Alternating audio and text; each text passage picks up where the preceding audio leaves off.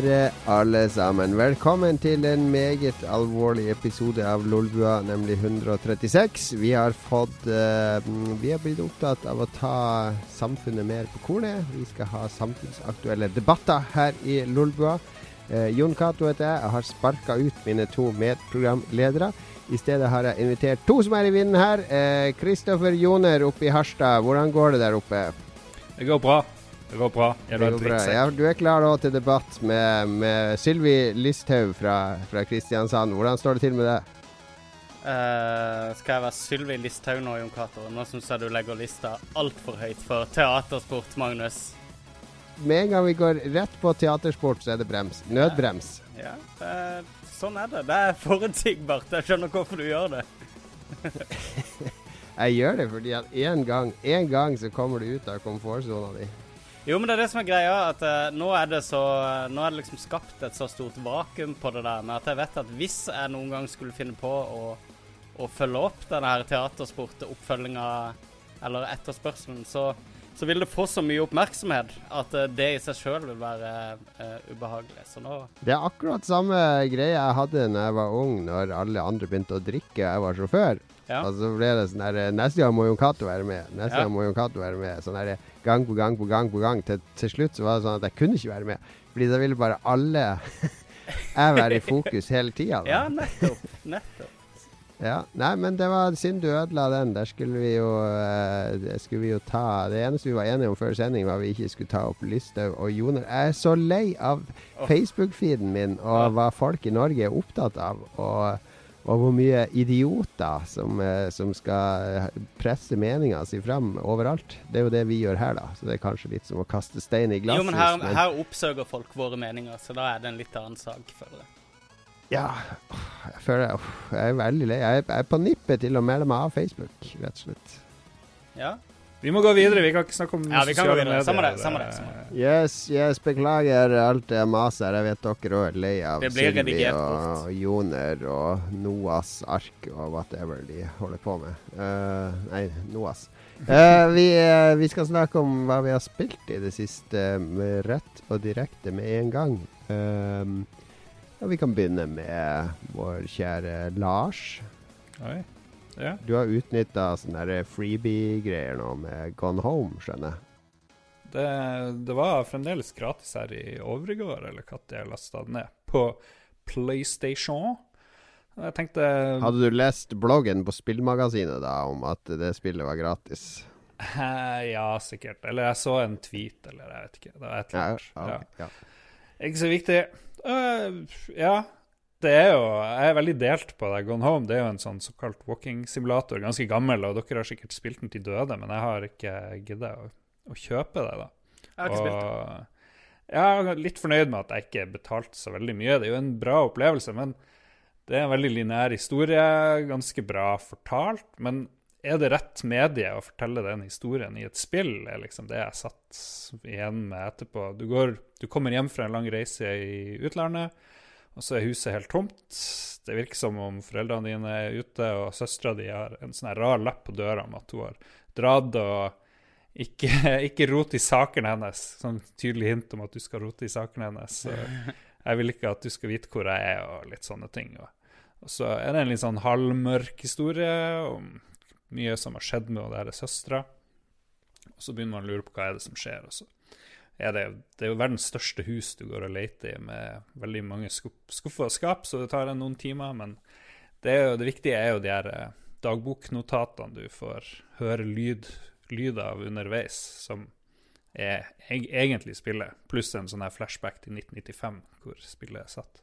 Er det sånn at uh, ting åpnes opp, eller er alt tilgjengelig fra Kan du egentlig bare gå liksom til mm. den liksom slutten med en gang, eller? Det virka som om det var veldig åpent, men så er det noen dører etter hvert og sånn som du ikke kommer inn i. Så du må gjøre en viss spilljobb, men veldig liten. Ja. Så Nei, jeg vet ikke. Jeg er ikke sånn 100 eh, sikker på om walking-simulatorer er liksom det helt store for meg.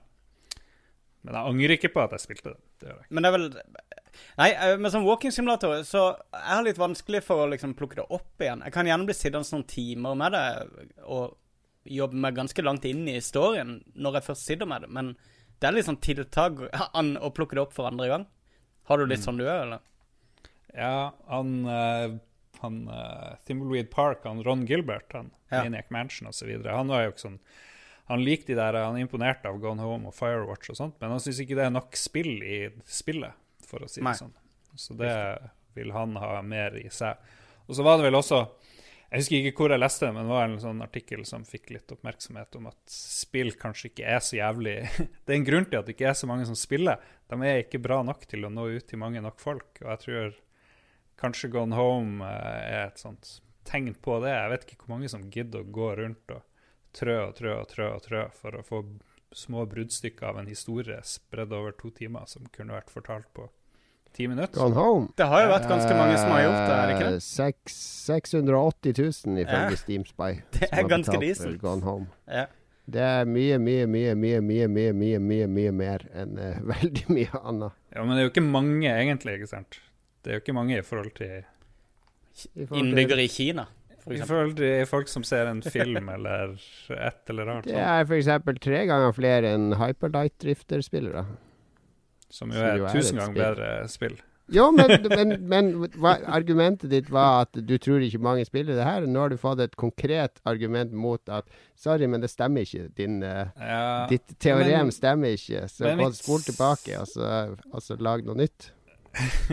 Nei, men mitt poeng er Jeg bare tok det, tok det med inn i den der artikkelen der om at spill Det at det ikke er så sykt mange som spiller i forhold til de som kanskje leser en bok eller ser en populær film, at de ikke er bra nok til å gjøre det de prøver å gjøre. Ikke sant? Det kan jo godt hende at noen spill i sjangeren spill er mer populære enn andre, men sjangeren spill i seg sjøl burde vært større, hvis man klarte å knekke en eller annen kode og gjøre ting bedre. Følte jeg meg litt som Eh, han hvis du- Frank. Var det noen som skjønte det jeg sa? Ja, ok, men det er interessant sammenlignet med bøker. Fordi en gjennomsnittlig bokutgivelse i Norge selger jeg tror det er 360 eksemplarer. Så en gjennomsnittlig bok blir lest av 360 personer i Norge. Ja, ja, men jeg snakker er ikke om en gjennomsnittlig bok i Det Norge. Nei, men, men jeg tenker Vi snakker om de altså, populære du- når- utgivelsene. Men, jo, men du, har- du har jo et veldig bisarr sammenligningsgrunnlag, fordi du sier at det er uh, 100 millioner som har lest Harry Potter, så da burde det være 100 millioner som spiller Gone Home, og mm. andre spill. Altså, Ja. det, det, du kan jo ikke sammenligne de aller, aller største salgstallene for bøker med snittsalg på spill. Jo, er også- 500 millioner som har spilt Angry Birds, mer enn som har lest Harry Potter. Så, så hvor, hvor, er, hva er, hvor er Hva er det vi snakker om? Nei, jeg bare prøver å eh, starte en debatt, men du er tydeligvis i skikkelig dårlig humør, så jeg tror ikke det er noe veldig Nei, debatten er starta, men det er bare at du får argumenter mot deg, og så gir du opp. Jeg gir jo ikke opp, men jeg føler at du fokuserer på ikke helt det, det jeg tenkte på. Hvorfor spill ikke Spill burde være mer populært enn de burde være. Og mener at gameplay kanskje er litt for vanskelig og for innfløkt og litt sånne ting. Jeg vet ikke. Det er jo en interessant tanke, i hvert fall. Ja. Eh, nei, hvilken artikkel var det her? Jeg skal jeg får finne den frem og lenke i, i eh, episodebeskrivelsen på lolbua.no. Skal jeg gjøre det. Ja, Gjør det. det kan du godt gjøre. Jeg ser for eksempel at Jon Esbø han har solgt 620 000 bøker på engelsk. Det er like mange som har spilt Gone Home, men det er alle bøkene hans. Men eh, hvis vi skal tilbake til Gone Home, da, Ja. som walking-simulator For det, det som jeg liker veldig godt med Gone Home, er jo at det er flere forskjellige historier der, så du kan nøste opp. Det er jo han faren, den mislykka forfatteren. Eh, det er mora som er litt lei av Eller som har en affære på jobben.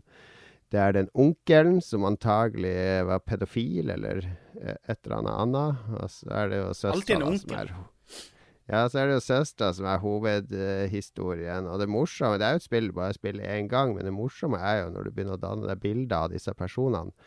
Som for meg er det mye mer troverdige personer enn de jeg møter i The Witcher, f.eks. Disse voksfigurene som går keitete rundt mens de prater med en sånn voiceover-stemme. Og jeg tror jo ikke at de personene eksisterer. Mens de personene i Gone Home er utbrodert via de hintene man plukker opp, og de puslespillbrikkene man setter sammen. så har jeg mye mer tro på den farsskikkelsen. De, de er malt i et mer menneskelig lys for meg. Mye fordi jeg må visualisere de personene oppi hodet mitt og tenke meg, se de for meg sjøl.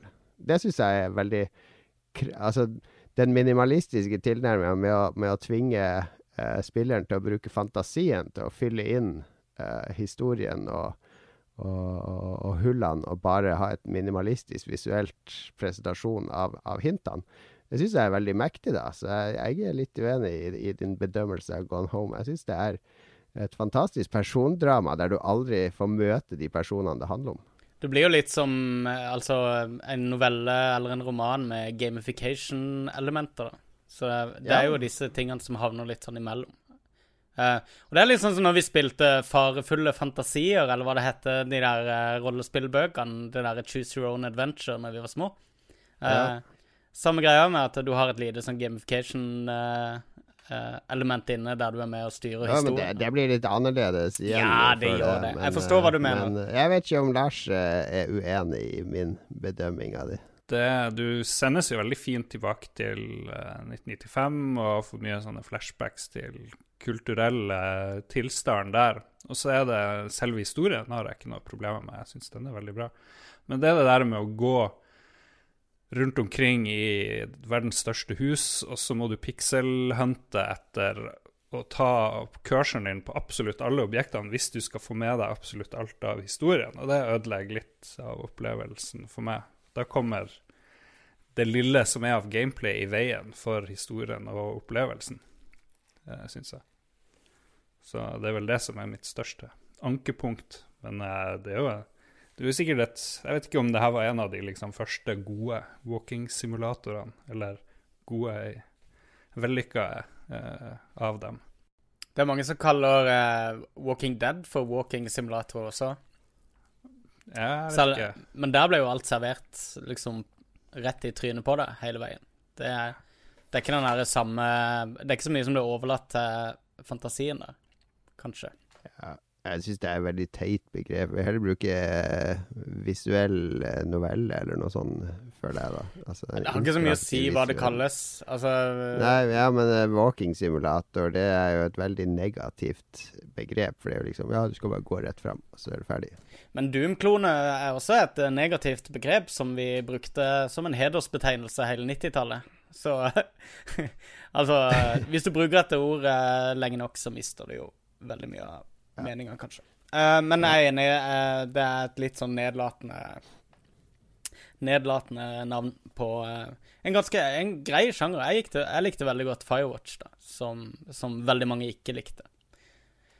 Um, ja. Jeg har spilt Ja, skal vi gå videre, forresten? Eh, ja, ja, ja. Jeg har spilt eh, Nei, vent, vi glemte jo Det er jo forhøret, så vi må jo komme med en dom. Skal Lars i fengsel eller ikke? Det høres ut som jeg svaret- Jon svaret sender langt. meg rett i fengsel, i hvert fall. Det er ingen tvil. Ja, Ja, Jon var ikke fornøyd med- jeg, dømmer deg til å spille 'Everybody's Gone to the Rapture' og 'Dear Esther' til neste gang. Så skal vi ha en nøye gjennomgang av walking simulator-sjangen. Det er vel gratis på PlayStation Plus for tida også, er det ikke det? Jeg har spilt gjennom det, og jeg vet Ja. ikke. Er det de samme som har lagd det, forresten? Uh, det Nei, det er andre folk. Ja. Ja, okay. Jeg har ikke spilt noe overraskende spill i det siste. Jeg har um, jobba veldig mye, og når jeg har hatt noen timer fri, så har det blitt Overwatch. Nå har jo uh, Sombra kommet inn i spilluniverset og fucka opp competitive. Alltid en eller annen tosk som skal eksperimentere sine første minutter med en ny spillfigur i competitive, og eh, selvfølgelig fucke opp eh, gamet for alle andre på laget. Så um, masse dårlig stemning, eh, og det kommer det til å Hvorfor være har de gjort det sånn, da?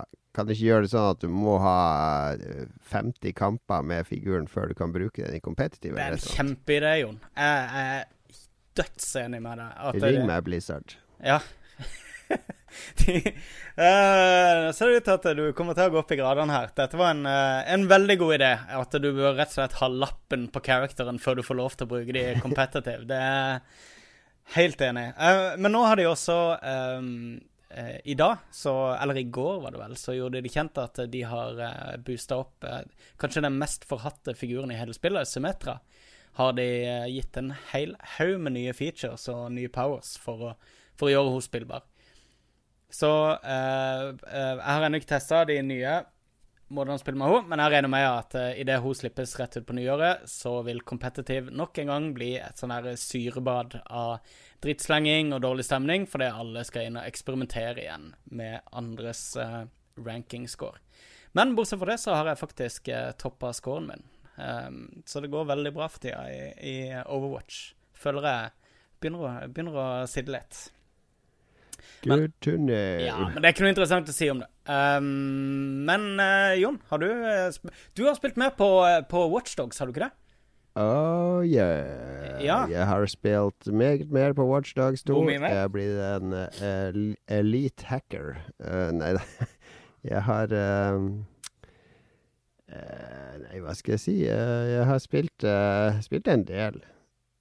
Jeg er ikke i nærheten av slutten, det er jeg ikke, men jeg driver jo og og uh, var, jeg tar alle mulige sånn sidequest, for det er jo, blir jo en million ting å gjøre etter hvert. Uh, hvis man vil. Og det som er i motsetning til sånn uh, Far Cry og Assassin's Creed, der alle sidequests føles som ork, så er de veldig morsomme her, da, fordi du har um, Jeg føler på en måte at Watchdogs 2 er det som Far Cry slutta å være.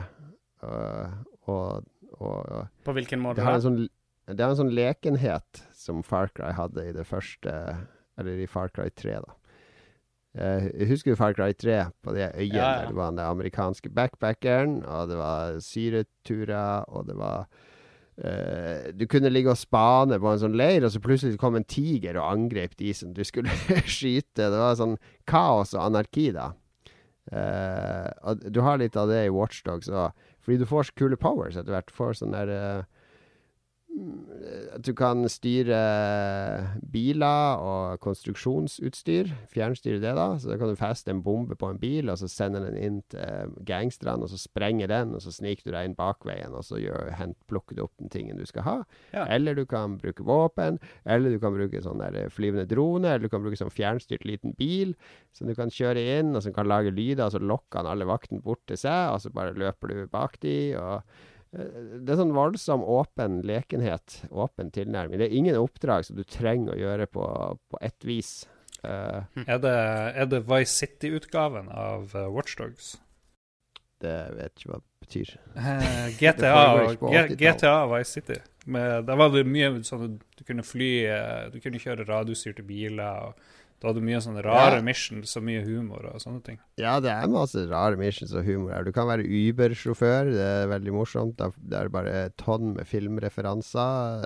Eh, En dude som har laga en sånn robot som i det Hva heter den filmen? 80-tallsfilmen med den der roboten? Short Circuit. Eh, short Circuit, ja. Han har Ja. laga en sånn Short Circuit-robot som har rømt, så du må og lete etter den. Og, eh, det er masse, masse masse popkulturelle referanser overalt. Du har sånn Du stjeler en sånn bil som er sånn rip-off av uh, Night Rider-bilen, Kit. Eh, sånn snakkende bil. Altså, du er jo svart i spillet, da, afroamerikaner, så du kjører den bilen, og så begynner den å prate til deg. Du har vært og stjålet den, og så bare I do not recognize your face. Og sånn. What, are you racist? Uh, er Kinect-kamera, ja. ikke sant. Det er alle mulige sånne ting som, som spillet tuller og spøker med. Men det er supertight kontroll, uh, og du får virkelig så mange kule powers etter hvert som, som man har lyst til å leke seg med. Uh, Mm. Så eh, jeg er langt fra lei. Jeg har det kjempegøy når jeg spiller det. Og enten bare ferde rundt og lage kaos, eller ta sideoppdrag, eller gjøre hovedoppdragene. Storyen er nå så som så. Jeg henger ikke helt med på der hacker-lingoen og cutting edge. eh, Er det ikke litt krampaktig den delen der? Jeg har, jeg har sett litt Eh. mer på, på Twitch på det, bare. Jeg, jeg venter på at det dumpes litt, tror jeg, før jeg gidder å spille det. Men- det er noe som alle cutscenes eh, Det er jo ting jeg bare holder ut. Det er Ja. veldig få spill der jeg sitter faktisk og følger godt med i cutscenene. Så, Er det det? Men eh, ja. Hm. Det må jeg si. Jeg syns story kan være, kan være veldig sentralt for om jeg lir et spill eller ikke. Om det er en smart story. Jo, poenget er at storyen kommer ikke i veien. Det er ikke Ja, sånn overhengende drama som tynger deg hele tida. De er liksom de hackerne er sånne stereotyper. Den der mutte, inneslutta hvite kiden. Og så er det eh, han derre far out-duden med maske. Og så er det hun sinna aktivisten, osv. Så, Riktig. så de er Nei, det er bare en million ting å gjøre. og låse opp skills. Og, og den byen er jo veldig bra laga. Supersmooth. Uh, du kan kjøre seilbåt med seil og må fange vind og sånn. Akkurat som i Windwaker. Og, um, ja. Jeg vet ikke, jeg bare oppdager sånne nye småting hele tida. Spiller veldig flink til å bare legge på flere lag etter hvert. Så i starten så er det bare å gjøre litt sånn mission, og så etter hvert så blir det bare mer og mer, å finne sånne pengepakker og ja. Mm. Så det er definitivt på høyde med, med GTA i sånn teknisk kvalitet, og det er der forrige Watchdogs var mye mer sånn skytefokusert. Det var liksom sånn du løste oppdragene. Du var coverbasert skytespill, forrige Watchdogs. Så, og du kunne sprenge litt sikringsskap og sånn eh, mens du skjøt med hacke-abilityene dine. Så det her er mye mer eh, sånn kaosspill. Eh, altså, jeg lokka ut noen FBI-agenter. Ja, det er en veldig kul power. Du kan, du kan eh, få sånn power at du kan tagge karer og så, og så sende ut sånn APB på de på politinettet. Så kommer politiet og begynner å plaffe de ned, så slipper du å gjøre det, f.eks. Så du swatter det, rett og slett? Ja. Swatte de hvis du vil. Det er også en motsatt power til den, der du kan tagge de og gjøre sånn at de er etterlyst av de her eh, kriminelle gjengene i byen. Så da kommer gjengene i stedet kjørende og tar en drive-by på de. Så det det, det, er masse morsomt å gjøre i det. Jeg kan anbefale det varmt. Altså, det fortjener all den gode kritikken det har fått. Hm. Jeg har ikke lest noen reviews av det spillet ennå, faktisk. Ikke heller. Nei, jeg visste ikke at jeg hadde fått god kritikk. ikke heller. Men vil du si det Watchdogs 2 er bedre enn GTA 5, da? Er det det jeg hører? Nei, jeg syns storyen i GTA 5 er mye bedre. Jeg liker hele det opplegget med midtlivskrise og, og hvordan den moderne mannen ikke har noen rolle i samfunnet lenger. Mm. Uh, det liker jeg veldig godt. Men uh, GTA 5 jeg, jeg spilte det på nytt der for ikke så lenge siden, en del av det. Og det, uh, det er ikke alt som er like kult der. Skytinga er fortsatt veldig kjedelig i GTA-spillene, syns jeg. Det har de aldri fått til. Nei, det suger de på.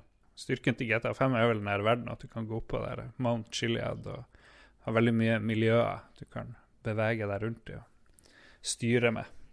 Det er vel det, det jeg likte mest, kanskje. Det er, veldig, veldig tilstedeværelse i den verden, men det er det i Watchdogs òg. Men jeg vil jo si uh, altså hvis, du, hvis du likte GTA, så kommer du til å digge det her. Det er jo mm.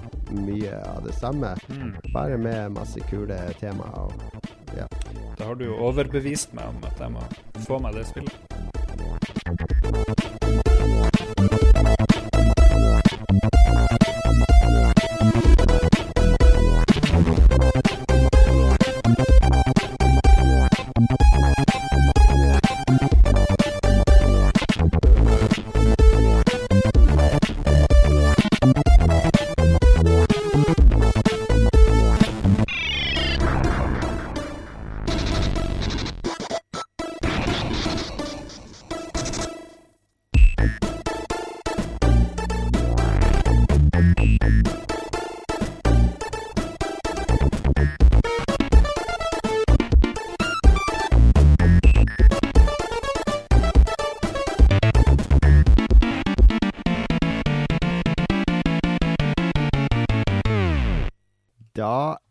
Tilbake.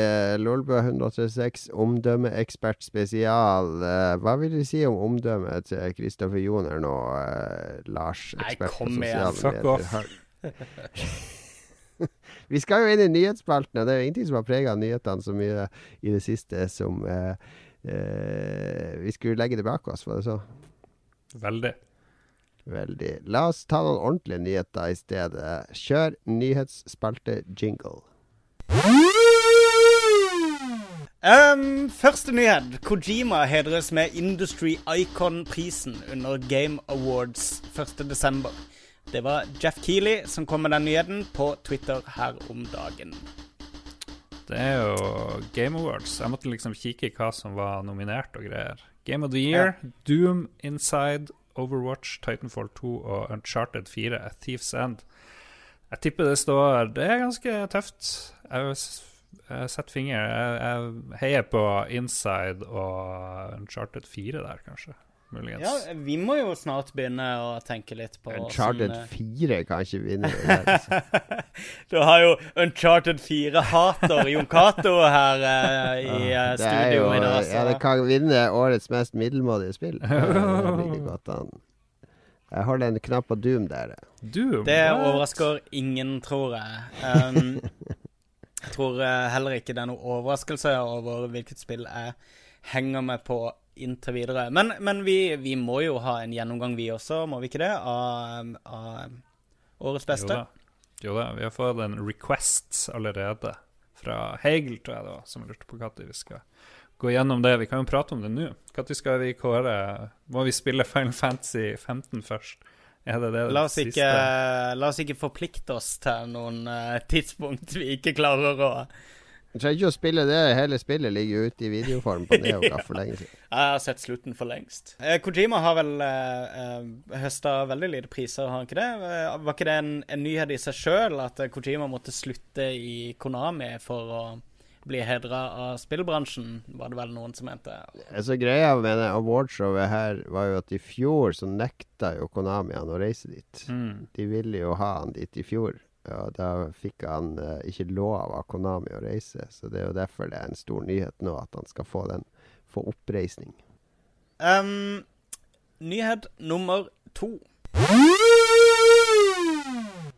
Eurogamer hevder at det vil komme en egen Pokémon Sun Moon-utgave til Nintendo Switch. Hvis disse ryktene stemmer, kan det også kanskje bety at vi vil se flere slike 3DS-hybrider til den nye hjemmekonsollen til Nintendo. Det, Ja. ja. Det er vel både en hjemme- og utekonsoll. Jeg vet ikke hva man Ja, skal det kalle en, Switch. eh, Ja. Det er jo en hybridkonsoll i seg sjøl, så det passer jo bra med hybridspill. Mm. Men eh, nei, det er jo ikke dumt, det. Jeg tror Pokémon Sun eh, Moon er det mest preordra Nintendo-spillet i historien. Jeg tror det er snakk om sånn ti millioner av de shippa det på dag én. Det er ganske mye av et spill. Men det solgte dårligere enn det forrige, den forrige uh, greia i Japan, gjorde det ikke det? Var det ikke det Jeg tror jeg nettopp leste det. At det ikke slo det det. At ikke det slo forrige spill i uh, Pokémon kan jeg ingenting om. Ti millioner er jo absurd uh, uansett. Ja, det er jo helt vilt. Nei, men tingen er at de kan jo ikke fortsette å bare Altså, til slutt er det ikke nok mennesker på jorda til å slå de der eh, Pokémon-salgsrekordene. Så greit at ikke de alltid tangerer uh, salgsrekorder, men uh, det var visst uansett snakk om svært høye Ja. volum. Nå har jeg undersøkt disse salgs... eh, Ja. altså I motsetning til sånn folk på Facebook som bare leser overskrifter og slenger ut fakta, så det solgte Ja, dette er live-underholdning, folkens. Eh, Eh, eh, Det solgte 1,9 millioner i Japan. Og så solgte den forrige Pokémon X og Y 2 millioner. Mm. På, på Riktig. Så det vi snakker om Men, men ah, ah, ah, ah, ah, ah, Tallene inkluderer ikke digitale salg, Ja. og de har steget kraftig år til år. Ja. Så mest sannsynlig så er det ganske likt. Fordi jeg, jeg vil tro Pokémon Sun selger mer digitalt enn forrige Pokémon gjorde. Det er uansett imponerende, fordi 3DS-en er jo ikke sånn super-in, kanskje. Nei, riktig. riktig. Nei, men det selger fortsatt ganske greit til barn. Det selger ikke voldsomt mye sammenligna med alt mulig annet. Men det er fortsatt folk som kjøper 3DS, faktisk. Eh, Jeg kjenner noen som kjøper den til ungen sin til jul nå. Så, så den, den går fortsatt. Men eh, eh, altså grunnen til at det er så høye preorders på det, er jo mye i Vesten òg. Fordi Mm. Pokémon Go har vært giganthit i Vesten. Riktig. Jeg tror det har vært mye større hit i Vesten enn i Japan. Eh, og det har skapt eh, mye mer awareness rundt Pokémon. diskuteres visst nå i, i disse her eh, statsbudsjettforhandlingene. For det både Erna Solberg og eh, Trine Skrei Grande de driver og pusher veldig hardt på at uh, oljefondet skal kjøpe inn flere millioner. Kanskje du bare eh, skulle Pokemon. løse disse tvistene, disse uenighetene om statsbudsjettet med å duellere i Pokémon, eh, Erna og Trine. Det, det hadde vært bra. Ja, ja, ja. Men, men, sønnen min i dag Han kom hjem fra skolen, min 15-årige sønn, og så sier han, uh, sier han opp litt, så sier han om han kan få lov til å dra ned til byen og, med noen venner. Og jeg spør ja vel, ja ok, han, han får lov til det. Uh, får litt penger så de kan kjøpe seg mat. Fordi da hadde han to venner. De skulle ned og kjøpe Pokémon Sun og Moon. Det var første DS-spillet de skulle kjøpe seg på et år. Ja. Uh, de, for de var ute og jakta Pokémon Go masse i sommer, alle de vennene og Thomas, sønnen min. da. Hm. Så han ble med de ned, og begge de kjøpte Pokémon Sun. Og jeg, han har det på DS-en sin nå òg, da. Han har ikke spilt DS på halvannet år. Men alle de hadde lyst til å spille Pokémon. Så, mm. så, det er uh, stor interesse for det spillet. Så det er veldig smart at det kommer på Switch, da. Uh, jeg vil jo tro det er vel så viktig som å ha et Zelda-spill der. Det har aldri vært et ordentlig Pokémon-spill på stasjonære Nintendo-maskiner. Det har bare vært sånn Snap, Snap og, og ja. sånne spin-off-spill. Nyhet nummer tre. Der skal vi jo Jeg var så vidt innpå det. Overwatch. Skal vi kalle det 2,0 er offisielt ute. Den eh, tilfører en ny karakter, Sombra, som vi har snakka om. Eh, kommer også med et nytt map samt en helt ny Arkademodus. Denne modusen inneholder bl.a. Mystery 1v1, Mystery 6v6 og Elimination-modus eh, 3v3. Videre er det også gjort endring på Quickplay, hvor man på lik linje med Competitive nå kun kan velge én av samme hero på hvert lag. Ja, uh, vi har jo allerede snakka litt om Snakk i et par minutter, Magnus, så kan jeg følge med på sjakk. Si fra vink litt når du er ferdig. uh, vi trenger ikke snakke så veldig mye om det. Jeg har ikke testa så mye Arkade-modus. Nå er det Det går mot slutten av, av andre sesong nå, og da er det veldig mye fokus på Arcade. Men jeg har prøvd litt. Det er faktisk ganske kult å hooke opp med to kompiser og spille mot uh, andre sånn trioer på mindre maps. Det mm det krever liksom et helt annet type samarbeid. Og mye mer, mye mer intimt, og, eller intenst. Og det krever mye mer at alle leverer hele tida. Spiller du, spiller du like mye uh, Overwatch nå som på det meste? Eller? Ja. ja det gjør det. Det holder seg. Ja. Det er lenge siden det kom ut nå. Et par måneder, eller? Ja, det er mer enn det.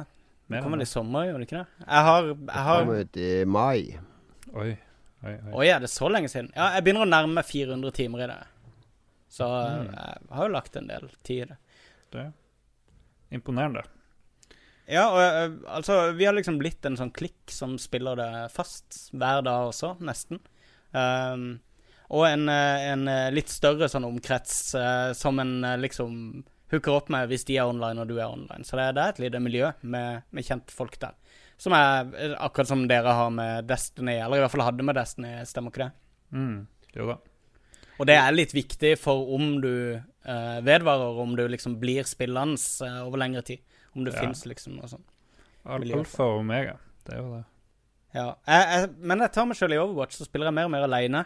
For det, det, er kult. Det er veldig inspirerende. Eller du lærer veldig mye av å se åssen andre spiller, og det, det, er liksom en ny utfordring bare i å tilpasse seg uh, nye måter å spille på, eller når folk uh, bare driter i alt og velger en drittcharacter bare for å sabotere, så er det faktisk en litt kul utfordring å se åssen du kommer rundt det, enten sosialt eller uh, gameplay-messig, og bare booste på ekstra. Vi kan gå videre til siste nyhet for i dag, som dreier seg om et redaksjonsmedlem her for Krillbite, Jon Cato. Slapp nylig en teaser for deres nye spill Mosaikk kom lite detaljer rundt spillets handling, men det skal angivelig være et pek-og-klikk-spill. Jon Cato har i den forbindelse lovet å gå litt mer i detalj i kveldens sending om spillet vi alle venter på. Det var et godt forsøk.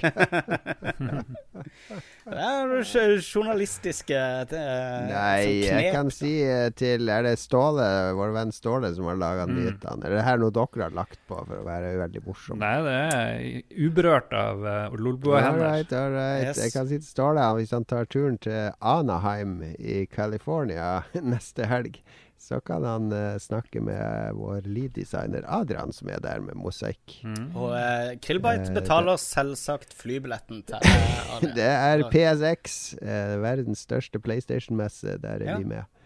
Så jeg sender over et par folk. Så da, da skal dere vise frem nye ting? Ja, vi viser Det kommer kanskje noe nytt fra spillet. da Teamet vil show.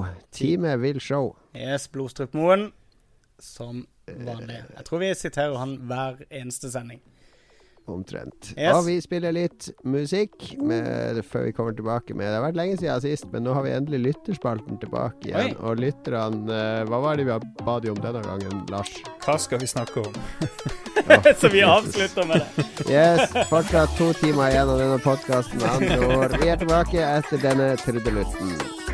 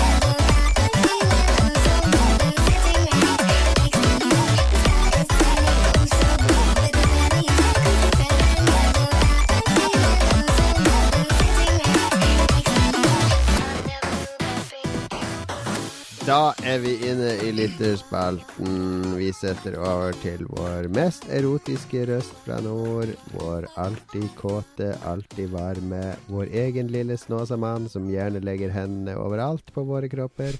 Lars. Kall meg Kristoffer Joner.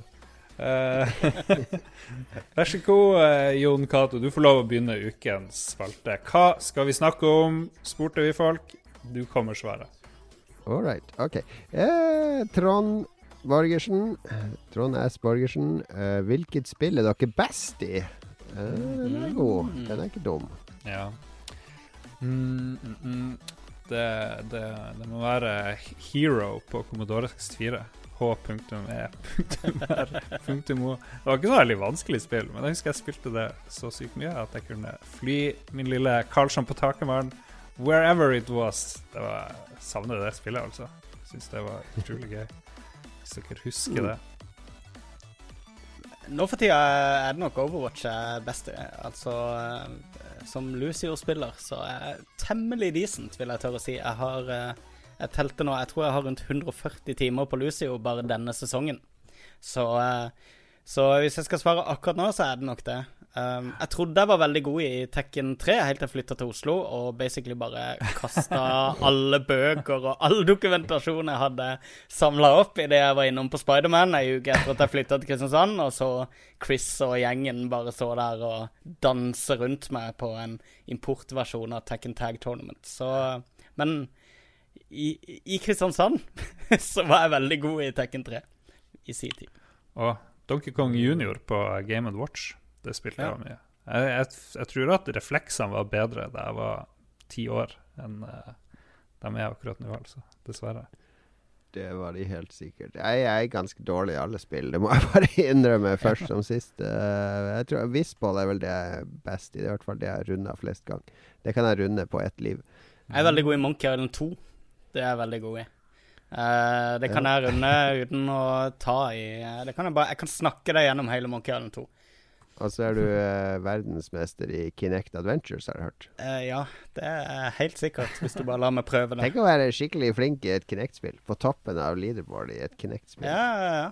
Det er, det er helt sikkert noen som er det òg. Sikkert noen som Ja, har lagt ufattelig antall timer inn for å toppe de uh, topplistene der. Um, Jan Christian Heigel, ja, dette var vi jo litt innom i nyhetsspalta, men uh, nå skal vi egentlig ha en Goti, altså Game of the Year-episode. Vi skal jo alltid gjøre ting så spesielt der Ja. i. Sånn Hver desember så sitter vi og bruker vi mer tid på å krangle om hvordan vi skal gjøre det, enn å faktisk gjøre det. Men uh, i år så I år så kommer jo vi i Lolbua til å samarbeide med noen andre om noe noe ting i desember. Eh, ikke Goti, altså, men vi, det kommer til å skje litt ting rundt Lolbua i desember. Det kan vi jo røpe her Jeg har og nå. teasa det litt i chatten her allerede. Ja, tease, det litt her og nå. Så følg med i, eh, i andre kanaler i desember, så får du Oi. kanskje en liten Lolbua-dose. Men ja, vi må jo kåre noe spill. Jeg vet ikke helt åssen vi skal gjøre det. Vi skal snakke om det på bakrommet, men det blir en Goti-kåring. og, Foreslå at eh, én får ansvaret for å bare lage opplegget, og så må vi følge det. Uansett hvor dårlig det blir, slipper vi å veldig bra, veldig bra forslag. Da tar vi sånn uh, teatersport, hele greia. Vi skal eh, spille, spille spillene våre som teater. ah, Genialt. Da bestemmer jo Kjempeidé. Kristoffer Kristoffer Gutteboys Hansen Leistad spør hva føler dere om jungelterror? Det må jo du svare på, Magnus. Det er Magnus som er ekspert på det. Å ja. eh, jeg vet ikke hva nytt som har skjedd på jungelterrorfronten, men jeg regner med at det er Siden jeg ikke har hørt noe om det siste halvåret, så har de vel klart å eliminere det da med denne nye høyttalerteknologien. Så eh, det var det. Dette var et av våre, et fineste øyeblikk. ja, det var så bra. Ja, Men eh, det var jo vittig, da, for det, det kom jo opp eh, Husker du det? Nei, det, dere husker jo ikke det heller. Jeg husker aldri når jeg har rett.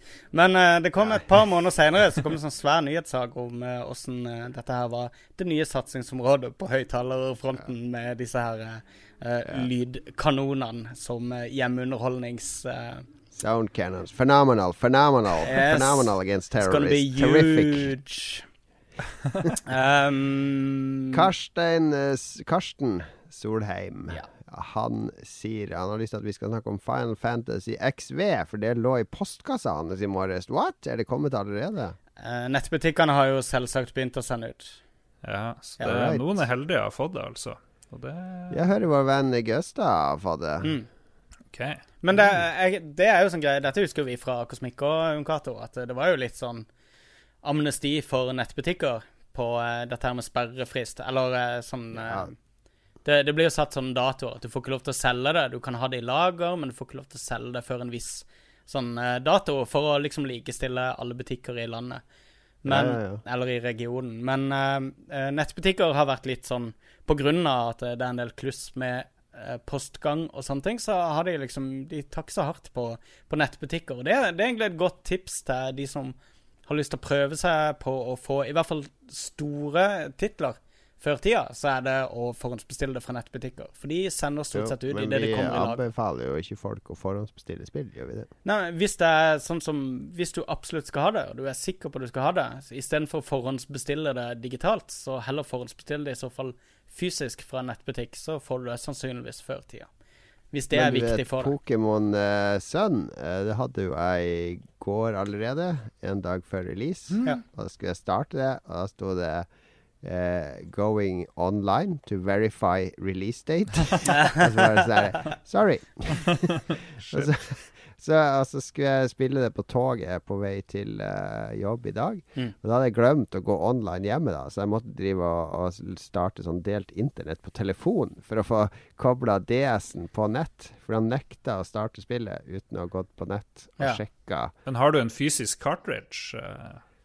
Nei, jeg har digital. Ja, okay. Ja, da skjønner jeg. Men det er jo Men, fremtida, det. eh, Men det er jo vilt hvis noen får en fysisk kopi, og står det Ja, vi vet ikke om det er det samme der, da. Men uh, ja, ja. Mm. Men jeg gratulerer til Karsten, som har fått, uh, fått uh, Take That, the video game. Ja. Eh, Og hvis du har lyst til å se slutten, eh. så ligger den allerede på nett mange steder. Ja, da, kos deg med spillet. Det er sikkert morsomt, eh, selv om eh, jeg spiller Ja, jeg kan ta det neste gang. Jeg spiller et japansk rollespill for tida på, Mm. på DS-en, nemlig Dragon Quest uh, 7. Og 7 Oi, kom jo gøy, relansert nå i høst. Ja, det er det, er det beste Dragon Quest. Oi, sånn. Det var det som kom på PlayStation 1. Ja, riktig. Karsten Solheim, eh, bare skyte inn. Han har spilt det i to timer nå. Fy faen, combaten er smooth, sier han. Så det er ja, bra humble Bra, brag. bra, bra. Bra humble brag. Good, good, good. Nice. Skal vi se.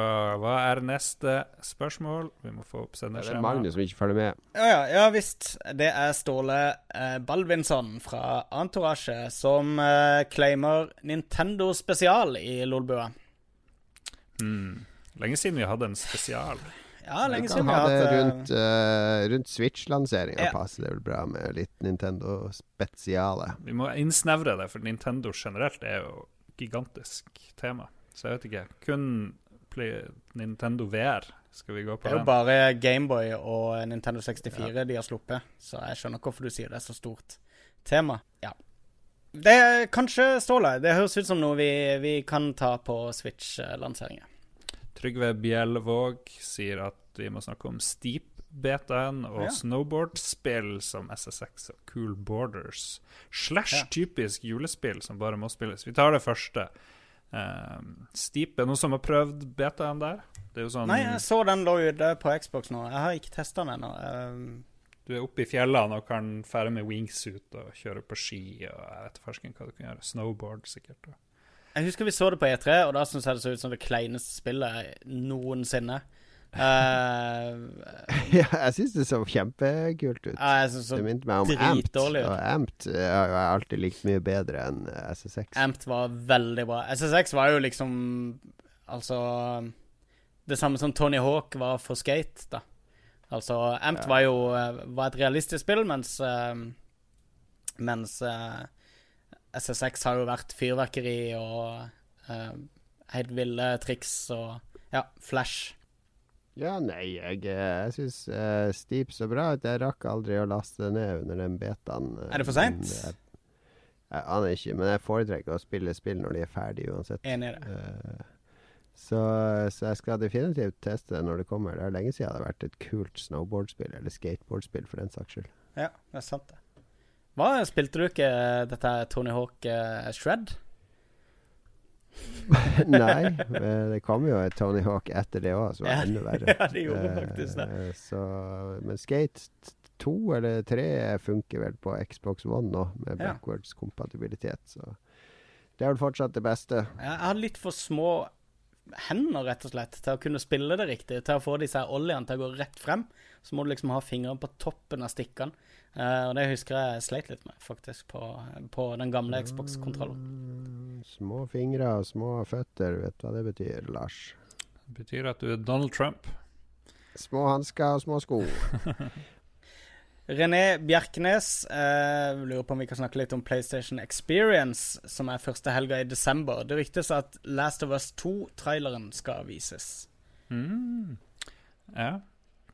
Eh, meg, og, meg og Lars har fremdeles ikke runda Last of Us, vil jeg bare si først. For da slipper du å snakke om slutten fortjener en Naughty fortsettelse. Henrik. Dog-spillet som bare er fem ganger bedre enn uh, Uncharted 4. Ja ja, det var, vet vi hvor det, smaken deres ligger. Nå Naughty Dog pika på uh, Crash Bandicoot 1. Nei da. Uh, Nei, jeg kan si PSX, eh, PlayStation Experience. Jeg får omtrent to mailer om dagen fra de arrangørene der. Med last call for, for e-mail og badge pickup og ja, du drar vel. Du er vår representant i New York, eller hvor nå enn det måtte være. Jeg skal ikke bort dit sjøl, men jeg skulle gjerne ha dratt dit. Jeg hører det er en veldig kul messe, men uh, jeg sendte andre bort dit. Men jeg tror det blir en kul uh, messe. Jeg håper det blir ikke bare Last of Us 2, men uh, andre kule Sony-annonseringer der. Håper det blir noe nytt på VR-fronten òg. Jeg sp- spiller jo fortsatt PlayStation VR. Jeg lasta ned noen nye VR-ting i dag. Hmm.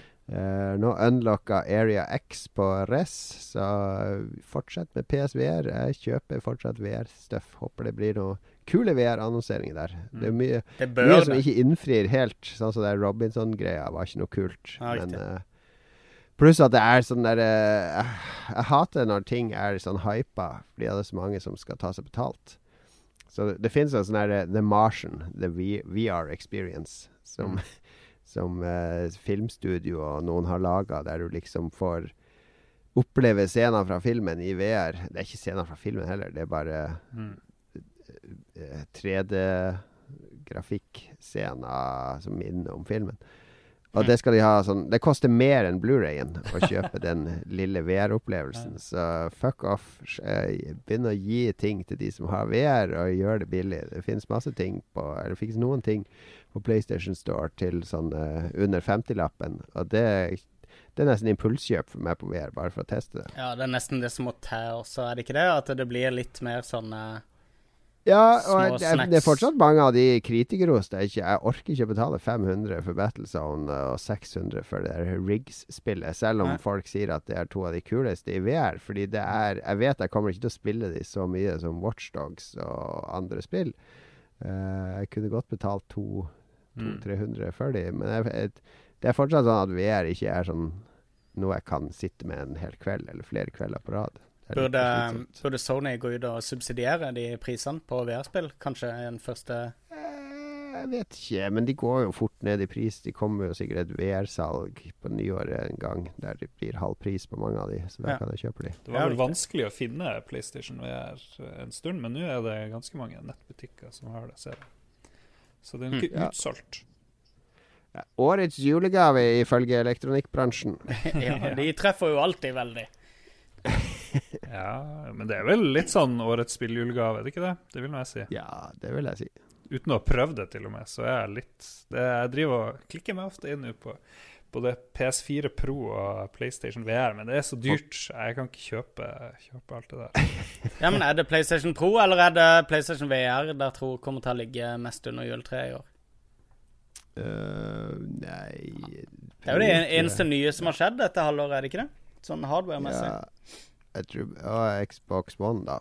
Men den er det jo Mm. ingen som vil ha, bortsett fra Jostein og du.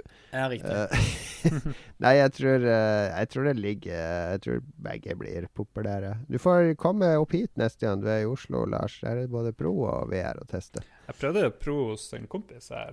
Spilte litt Division og det der bilspillet, sånn Micro Machines-aktig, som skulle være ren 4K, men eh, jeg vet ikke. Det var ikke sånn psycho-forskjell. Nei, det er ikke det. Du ser ikke noe. Jeg, jeg klarer ikke å se noe forskjell. Så, det, så, det var, jo han har sånn HD. men 4K jeg vet at nå har jeg, nå har jeg mest hestekrefter. Så jeg vet at hvis spillet legger, så legger det enda mer hos Lars. det, Det er jo litt godt. Det er litt godt å vite. Okay. Da sover du godt om natta. Han Henrik eh, Olafsen Elman, vår venn, spør om vi kan snakke om livet vårt som studenter. Jeg vet ikke om vi har Det er jo det eneste vi har hørt om fra Magnus. Nei, jeg har ingen intensjoner om å snakke om det. Et Nei, tilbakelagt vårt stadion. liv, eh, Lars, det var jo bare å kaste eh, Vi, vi Mm. Ja, hva var det vi gjorde egentlig nå? vi? Dere har Vi- egentlig også snakka veldig mye om det for å liksom speile mine, mine erfaringer de siste tre åra. Så Vi gjorde jo det samme hver eneste uke, egentlig. Det var Være på skolen, være samles et eller annet sted på lørdag klokka tolv i Oslo. og Gå rundt sammen og ende opp hos Frank og spille litt eh, X-pilot, eller sitte på kontoret hans og jorre. og så kjøpte vi noe brettspill eller rollespill, og så spilte vi det, og så gikk vi hjem og la oss. Det var stort sett det vi gjorde. En lang periode. Ja, vi drakk jo ikke. Vi var jo veldig kjedelige studenter. Vi var ganske kjedelige, men vi hadde jo gøy, da, det vil jeg si. Men det var liksom ikke Ja. Woo, fest hele tida. uh, spilte Puzzle Bobble hele natta mens vi hørte på livesending fra Hyperstate i stedet for å dra på Hyperstate og sånn. ja, ja. Vi var litt sjenert. Det var vår Vi uh. Nei, men Vi hadde det fint som studenter, men vi var ikke så flinke å studere, noen av oss, tror jeg. Vi uh, spilte mye X-pilot og var veldig opptatt. Når jeg var student, eller når, og når Lars kom inn, så var jo internett var jo, Det var noe vi måtte opp på universitetet for å bruke. Hadde, ingen, det var ikke noe du hadde hjemme. Og, og når mens jeg studerte, så kom jo Mosaikk, som da var den første nettleseren. Eller Netscape kom. Netscape, ja. Og Mosaikk og de net, første nettleserne. Mm. Sånn grafisk eh, surfing på nettet. Før det var det jo bare FTP og Telnett, og alt foregikk via tekst. Mm. Og det var tekstbaserte eventyr, og du måtte laste ned klienter til spill, og så rønne de i egne vinduer, og så videre. Og så kom det plutselig en browser, som man kunne klikke seg frem og tilbake på nett og se på bilder og finne filer og alt mulig sånn. Og det var jo en revolusjon. Vi brukte jo veldig mye tid bare på å tulle rundt på nettet, på nyhetsgrupper og Mm. I- Ja, IRC var jo IRC. Oh, IRC, det var jeg aktiv på. Ja, så, så det var Det var veldig fine år, syns jeg. Vi gjorde mye kult. Hadde det gøy og kasta bare bort tid. Vi var ikke noe målretta studenter. Du studerte jo japansk, og jeg får jo med fysikk og informatikk og sånn. Mm. Eh, du tok deg jo sammen og ble journalist etter hvert, men eh, Ja. Jeg begynte jo bare å jobbe og fasa ut studiene. Ja. Det er jo, man er jo Ja. en, eh, i en bekymringsfri periode i livet. Det må man verdsette hvis du som hører på, er der. Så det er bare å go nuts. Og. Um, ja, nå i vår var veldig bekymringsfritt for meg. Du, du regnes ikke som, uh, som ekte student. Nei, jeg- Jeg tror ikke det. Jeg tror ikke det. Skal vi gå videre, Lars? Nei, Jon. Ja, nå er det Øystein eh, Reinertsen. Har dere et spill som dere må spille i julen? Jeg har alltid en ambisjon når jeg kommer hjem eh, til Kristiansand, om å eh, eh, sette meg ordentlig inn i Nino Kuni, som er installert på en PlayStation 3 hjemme. Um, det får jeg aldri realisert. Men et annet spill som Jeg runda jo Bannersaga. Et ekstremt fett uh, uh, Ja, hva skal vi kalle det? Uh, strategirollespill. Um, det runda jeg for et par år siden på iPaden min, og nå har Bannersaga 2 kommet på iPad også.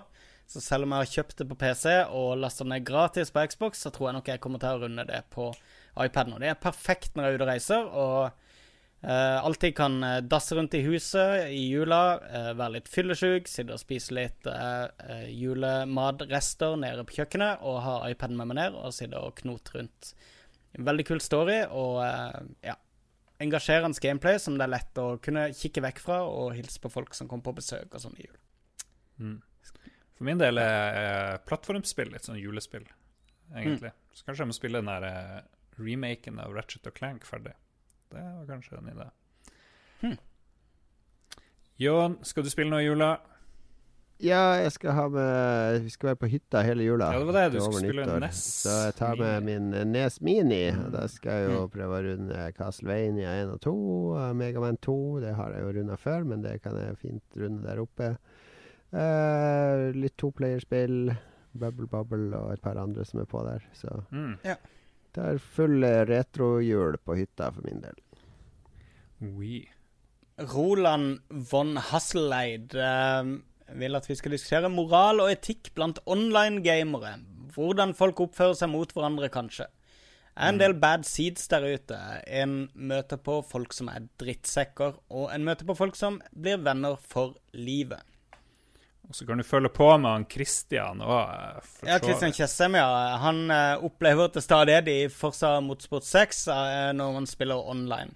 Akkurat dette her, da. Han gleder seg til den dagen en spillutvikler finner en måte å slå ned på dette. Um, jeg var jo litt sånn det, er jo ikke det, det, er jo ikke det, det er jo ikke det han opplever. Det han opplever, er jo det bildet Ja. som han har posta der. Men det her er et konkret Nei, det er et konkret bilspillproblem som har vært i bilspill fra online-bilspill fra tidenes morgen. Riktig. Nemlig du kommer til en sving, du har en kar like bak deg i svingen er til høyre. Du har en kar like bak deg til høyre. Mm. Du bremser ned, begynner å svinge til venstre. Han raser inn i sida si og bremser i kollisjon med deg, dytter deg ut av banen, og så kjører han perfekt ut av svingen. Du bruker motstanderen til å bremse i svingen, Yep. rett og slett. Det kommer jeg aldri til å slutte med, så fuck you all. Og det er utrolig deilig òg. Det er utrolig Ja. deilig når de treffer deg. I gamle dager husker jeg vi spilte Stunt Car Racer, to Ja. player. Vi kobla sammen to Amiga med linkkabel. Og han ene i gruppa vår, han Espen, han var så sinnssykt god i stunt racer. Han hadde sittet stuntcar. Han hadde sittet og gnukka og gnukka og gnukka solo på det spillet. Mm. Så ingen skulle slå han på de banene. Han hadde perfekt kontroll. Mm. Så vi fant Den eneste måten å slå han, det var å sabotere løpet for han. Så det var med å stille seg opp på en sånn topp, eller rett bak en topp. Og så når han kom kjørende opp bakken, så rygga du bak. Så han smasha i ræva di. For var, du fikk mye mer skade av å smashe med fronten din enn en ræva di. Så da smasher han i deg utfor banen og sånn. Så omgjør å totalhavarere bilen hans for å vinne, da. Og når du hadde fått han utfor der, så, så ble du alltid heist opp av en sånn heisekran. Så hang bilen og dingla over banen, og så måtte du trykke på en knapp, så blir du sluppet ned på banen sånn fem meter.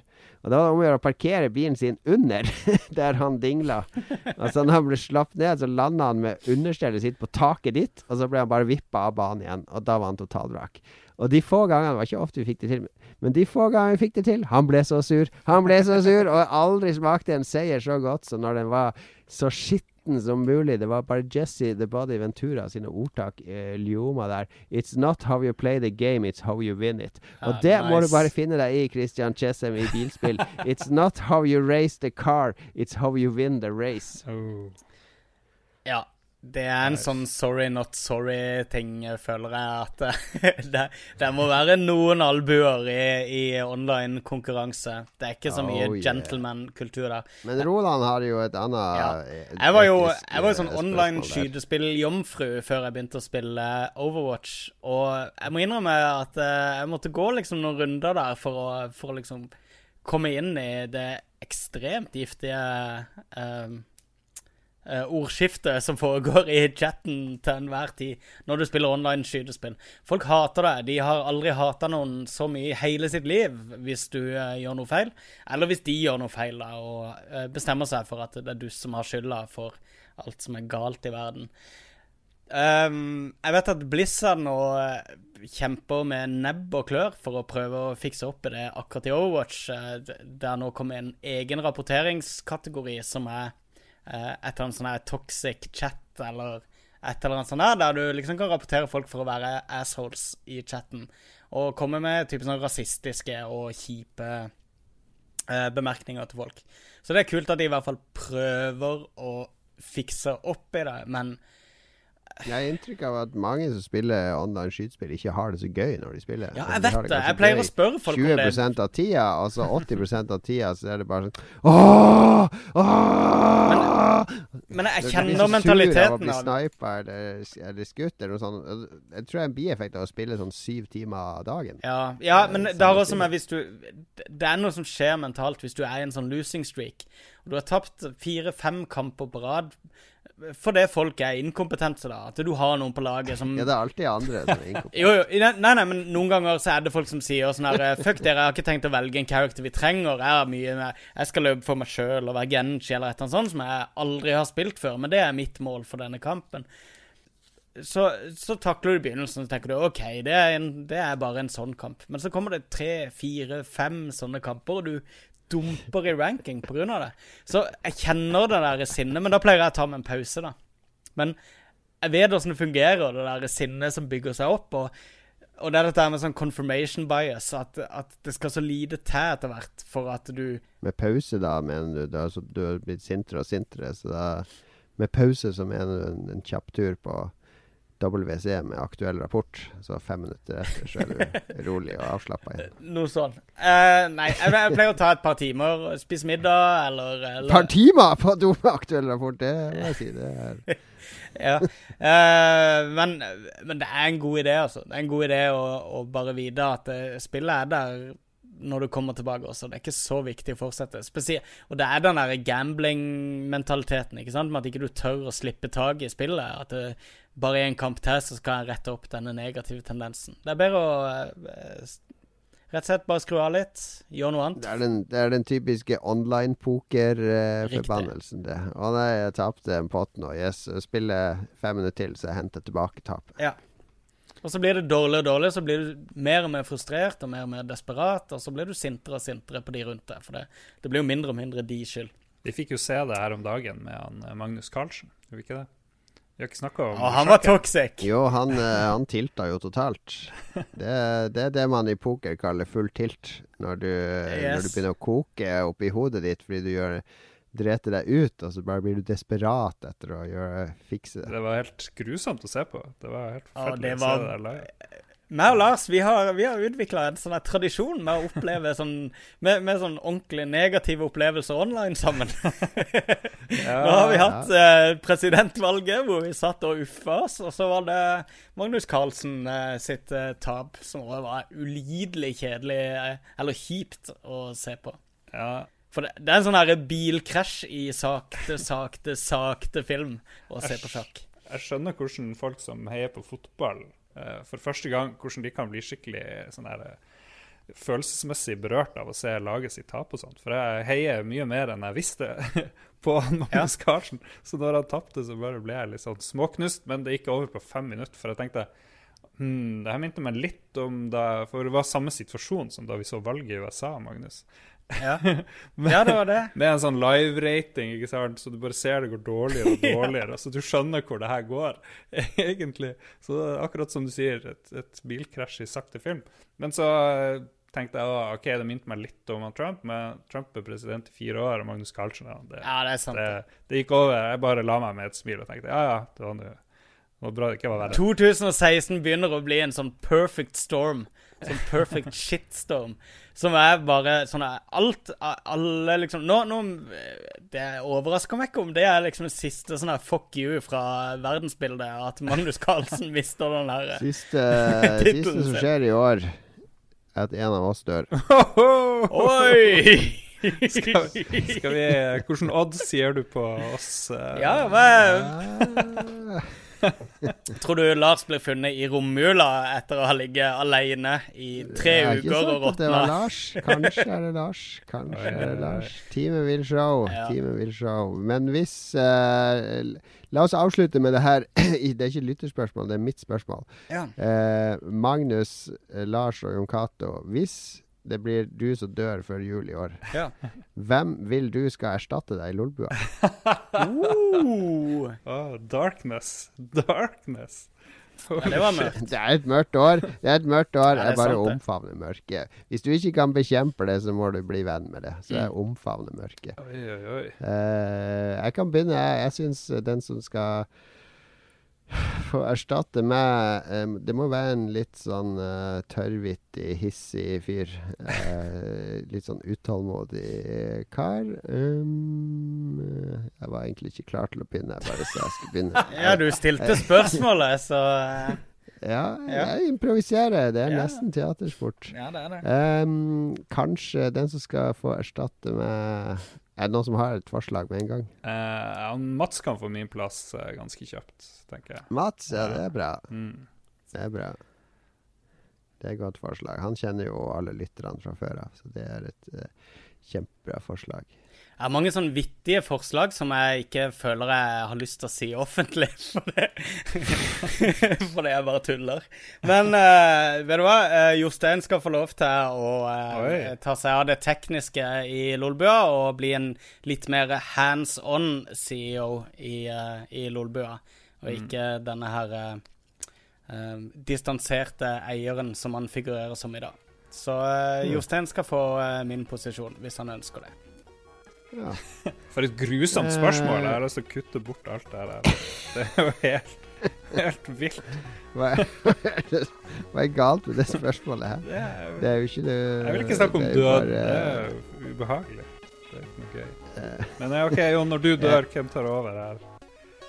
Eh, nei, den som tar over for meg, blir uh, jeg, skal, jeg foreslår at Line Andersen kan gjøre det.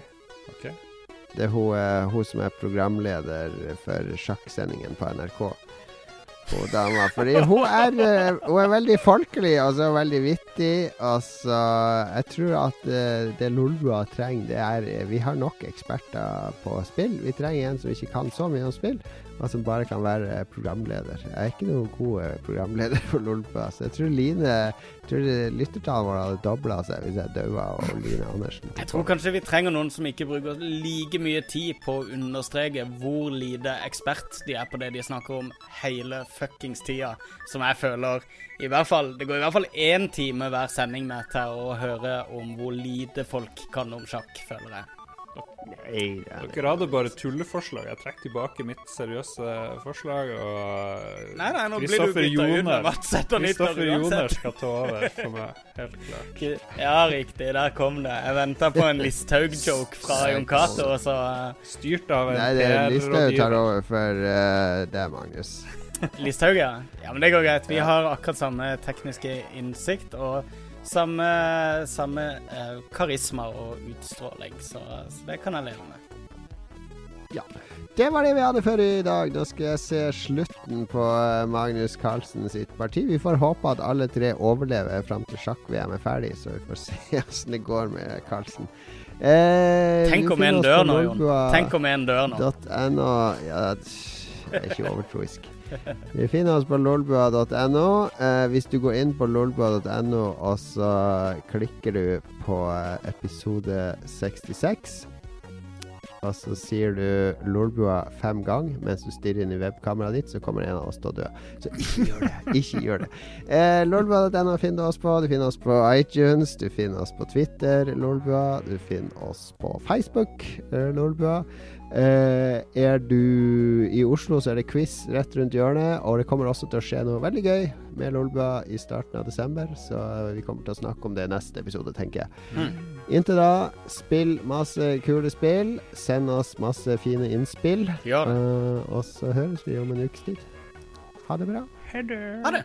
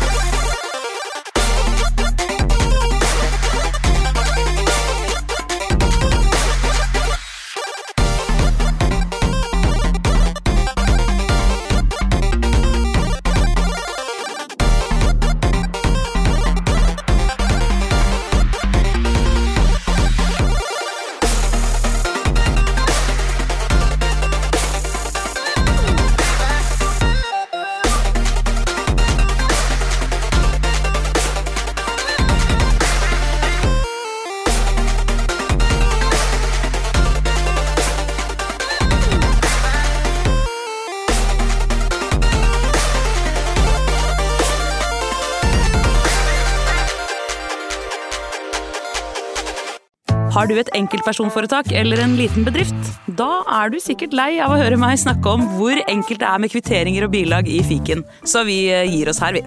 Fordi vi liker enkelt. Fiken superenkelt regnskap.